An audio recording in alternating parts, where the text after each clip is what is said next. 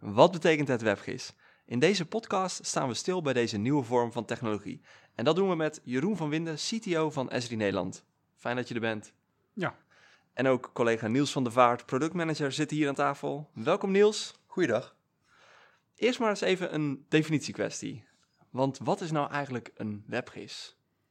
Nou, een webgis, en het, het, woord zegt het eigenlijk al, een webgis is een gis gebaseerd op webservices. Nou, eigenlijk bestaat het uit drie delen. Het bestaat uit webservices, het bestaat uit een informatiemodel en het bestaat uit apps, waar je gebruik kunt maken van die services. En dat is een webgis. En als je dat dan uh, concreet gaat maken, hoe ziet dat er dan uit? Nou, concreet ziet een webgis er zo uit dat um, de informatie in het GIS wordt centraal geregeld in een portaal. En dat betekent dat daar lagen beschikbaar zijn die in kaarten gebruikt kunnen worden, in groepen gedeeld kunnen worden met verschillende gebruikers. En al die informatie vanuit het portaal kan in diverse apps gebruikt worden. Denk bijvoorbeeld aan ArcGIS Pro voor desktopgebruikers, webapps of storymaps. Nou, nu hebben jullie heel veel ervaring met het inrichten van uh, een webgis en organisaties die dat uh, al gedaan hebben of op dit moment aan het doen zijn. Waarom willen organisaties eigenlijk over op een webgis? Nou, in eerste instantie, een, een webgis uh, moet je breder bekijken dan alleen GIS. Uh, veel organisaties zijn bezig met de digitale transformatie, zijn opnieuw aan het nadenken over hoe ze met IT willen omgaan. En uh, daar past een webgis eigenlijk naadloos in. Sterker nog, ik denk zelfs dat een webgis een leidende rol kan spelen in die digitale transformatie. En ja, wat houdt dat nou eigenlijk in? Uh, dat houdt in dat, dat je data op een andere manier ter beschikking gaat stellen aan je eindgebruikers. En die eindgebruikers, als we nu kijken naar een webgis, zijn al lang niet meer alleen de GIS-gebruikers. Eigenlijk iedereen in een organisatie gebruikt geo-informatie. En een webgis maakt het mogelijk om die geo-informatie in de juiste vorm en eigenlijk veel sneller dan in een wat meer klassieke GIS-omgeving uh, te gebruiken. Ja, daarnaast is het ook zo dat je, als je klassiek GIS gebruikt, dan gebruik je vaak je eigen bestanden die op je eigen plek staan in je eigen applicatie. En veel organisaties zijn ook bezig met het uh, ja, het weghalen van de silo's, zoals je dat noemt. Dat je één afdeling bodemonderzoek hebt met bodeminformatie en één afdeling explosieve onderzoek die andere informatie heeft.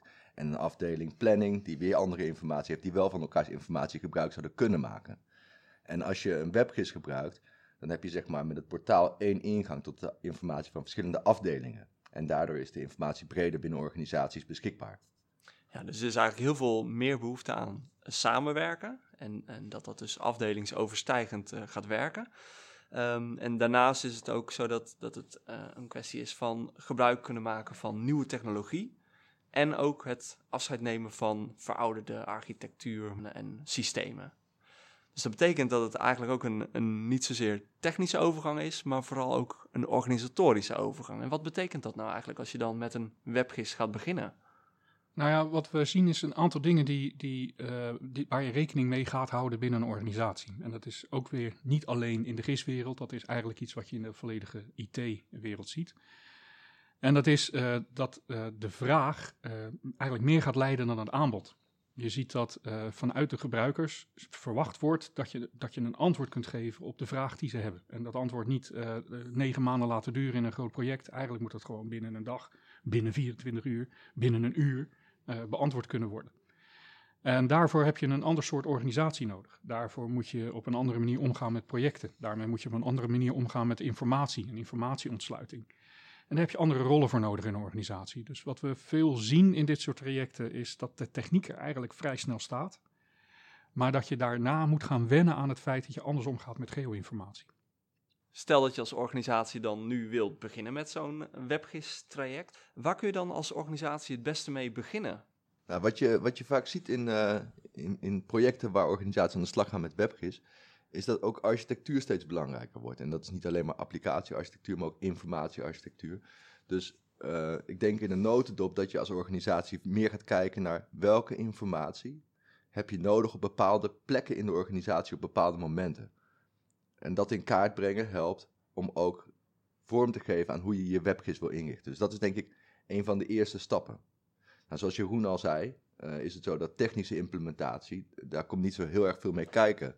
Uh, het is meer een organisatieverandering. Dus het is enerzijds je informatiebehoefte goed in kaart brengen. In kaart brengen waar de informatie nu staat en hoe die dan beschikbaar gaat worden. En ook in welke informatieproducten dan dat gebruikt gaat worden. En door welke personen.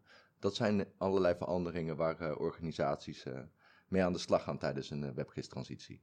Ja, en daarmee wordt het misschien toch ook wel weer een technische discussie. Want je ziet dat de verandering dan ook wel betekent dat je moet gaan nadenken hoe je dat wilt gaan aanbieden. Ga je dat vanuit een SaaS aanbieden? Of ga je dat on-premises doen? Of doe je dat in de cloud? Je moet gaan nadenken over hoe ga ik mijn huidige data-infrastructuur omzetten naar een data services infrastructuur. Je gaat nadenken hoe je dat vorm gaat geven in de vorm van informatie. Uh, informatieproducten, nadenken hoe een kaart eruit ziet, wat er met een kaart mag.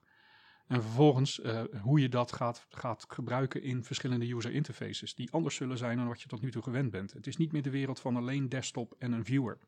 Uh, we gaan een, een app, een informatieproduct per vraag maken. En daarbovenop heb je dus te maken met een verandering voor je, voor je organisatie. Je hebt nieuwe rollen nodig. Je moet denken aan een rol als een contentbeheerder. Iemand die wat meer zich gaat druk maken over welke informatie op welke plek komt. Een informatiearchitect of informatieanalist en zet er maar gewoon geo voor, een geo-informatiearchitect. Um, je ziet ook, omdat die informatie breder in de organisatie gebruikt gaat worden, dat het steeds vaker ook een verhaal wordt op een wat hoger niveau binnen de organisatie. Je ziet dat CIO's of mensen met een vergelijkbare rol zich druk gaan maken over geo. En dat betekent dat er andere aandacht is en dus ook een andere dynamiek. Dus je ziet wel dat, uh, uh, ook al het misschien technisch niet direct een enorm zware investering is, dat het wel heel veel beweging zet in de organisatie omdat het zoveel impact dus kan hebben op een organisatie. Je bent eigenlijk veel wendbaarder, omdat je snel kan reageren op vragen uit de organisatie, informatiebehoeften die er uh, leven en spelen. Ja, Jeroen die noemt uh, inderdaad allerlei nieuwe rollen die spelen binnen de geo-informatie en IT kant van de organisatie, maar het is eigenlijk ook wel breder, want je hebt uh, binnen een organisatie heb je andere nieuwe rollen die ook met een webgis uh, mogelijk worden. Zoals bijvoorbeeld mensen die een veldwerker zijn of mensen die vanuit communicatie storymaps maken. En je ziet dat het daardoor heel erg breed wordt uh, en dat zo'n webgis-transitie ook wel heel veel facetten kan hebben. En ik denk dat daarom uh, de meest succesvolle organisaties zien we dat ze heel klein beginnen bij één specifiek onderwerp. Ja, de meest succesvolle die ik zie, die beginnen of in een soort lab of in een soort proeftuinomgeving en gaan eerst eens kijken wat de kracht is van zo'n webgis. En uh, daar zitten twee dingen in. Eén is het klaarzetten van services, het gebruiken van services van andere organisaties. En zorgen dat dat ter beschikking komt van de eindgebruikers.